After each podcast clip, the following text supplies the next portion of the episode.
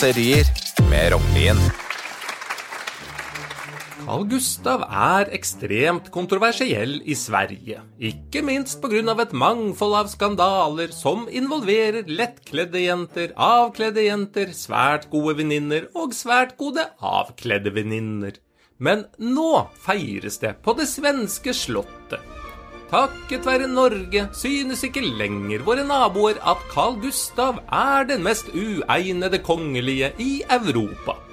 Kungen har sendt håndskrevet kort til Harald og Sonja, der han roser dem for at Märtha Louise fortalte sin historie i programmet Min sanning på svensk TV.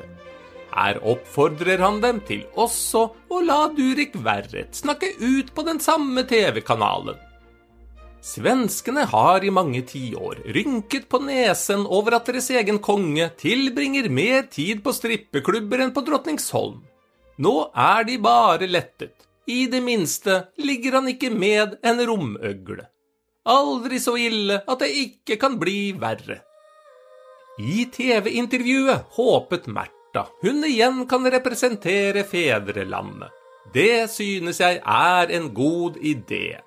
Riktignok vil kongehuset straksens bli omdøpt til Galehuset, men bortsett fra det ser jeg ingen store problemer. Det må da også være til stor oppmuntring for alle våre tvangsinnlagte på psykiatriske institusjoner når de skjønner at selv de kan nå helt til topps. Nå er det selvsagt ikke et kompliment til svenskene at Märtha Louise velger deres egen rikskanal som stedet å snakke ut, i den tro at der vil det i hvert fall forstå henne. Det sier jo egentlig mest om hvordan hun oppfatter broderfolket. Men det gikk ikke som hun håpet. Nå er hun selv blitt hovedperson i alle norske vitsene som fortelles på den andre siden av kjølen. For Märtha forregnet seg. Du får ikke noe gratis av svenskene. Ikke har vi fått tilbake alle fylkene de stjal, og uansett hvor mange tollere vi gir dem i Melodi Grand Prix, får vi nesten ikke et eneste poeng i retur. Selv ikke da vi plaffa ned Karl 12., ville de gi oss den lille seieren. De foretrakk å sette ut et rykte om at de drepte kongen sin selv. Det er forunderlig at et land som er så vennlig, altså Norge, kan få en nabo så vemmelig, altså Sverige, og litt Russland. De kaller oss for norrbagare, som betyr sauetestikkel. Det sier jo alt. Det er ikke pent å kalle oss for en sau, og det er ikke pent å kalle oss for en testikkel. Å kombinere disse to blir dobbelt så ille. Vi kaller dem derimot for søta bror. Slik er vi. Å kalle de for søt er pent, og å kalle de for bror er pent. Vi slår to pene ting sammen.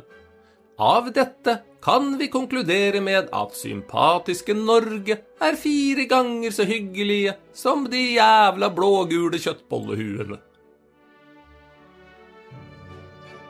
Nei, når nordmenn skal hygge seg, drar vi til København i stedet. Grunnen til at det er deilig å være norsk i Danmark, er at der kan vi ha fire i promille uten at noen synes vi snakker rart. Det kan derimot også være deilig å være norsk i Norge, bare vi først har hamstra sprit, kjøtt, godteri og tobakk på Svinesund.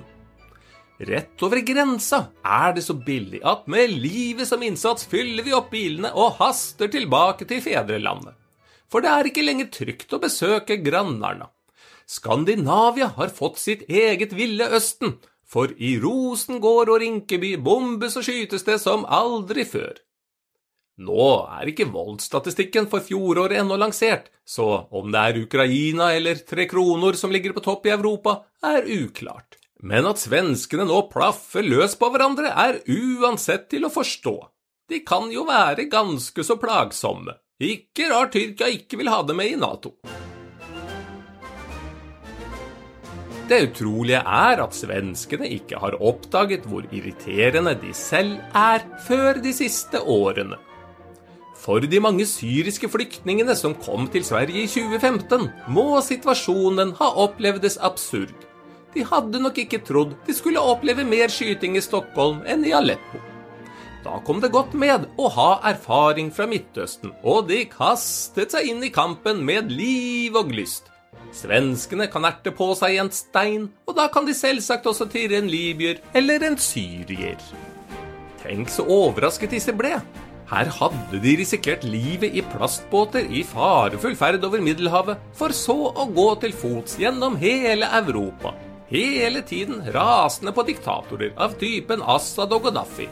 Og så klarer de å finne et land der innbyggerne ergrer dem enda mer. Men selv om svenskene nå endelig har begynt å ta livet av hverandre, er det fortsatt veldig mange av dem. Man skulle tro at når de er så ufordragelige, ville det bli dobbelt så vanskelig å finne noen å pare seg med. Men tydeligvis har de andre trekk som kompenserer for dette. Det gikk opp for oss nylig da en kjent svensk politiker ble tatt for å tukle med seg selv i selveste Riksdagen, som tilsvarer det norske Stortinget. Når det skal så lite til for å gjøre de blågule opphisset, altså bla i en stortingsmelding er det jaggu ikke rart at det er ti millioner av dem og bare fem av oss. Men selv om jeg misliker at svenskene aldri strekker ut en hånd til oss nordmenn, så gjorde Carl Gustav en god gjerning i 1988. Da forsov han seg til frokosten med Den internasjonale olympiske komité. Det skjedde under finaleheatet om å få arrangere vinter-OL i 1994, og mange mener det kostet vårt naboland mesterskapet. Resten er skihistorie, og vi har tatt alt som er av gullmedaljer siden. Men takkes den som takkes skal, og det er vel strengt tatt ikke Carl Gustav, men de lokale strippeklubbene som hadde åpent hele natta i forveien. Dermed har vi den forunderlige situasjon at Carl Gustav vekker stor glede i Norge, og Märtha Louise enda mer begeistring i Sverige. Skadefryd er den eneste sanne glede. Ikke rart de to landene begge kjemper i toppen av alle verdens lykkemålinger.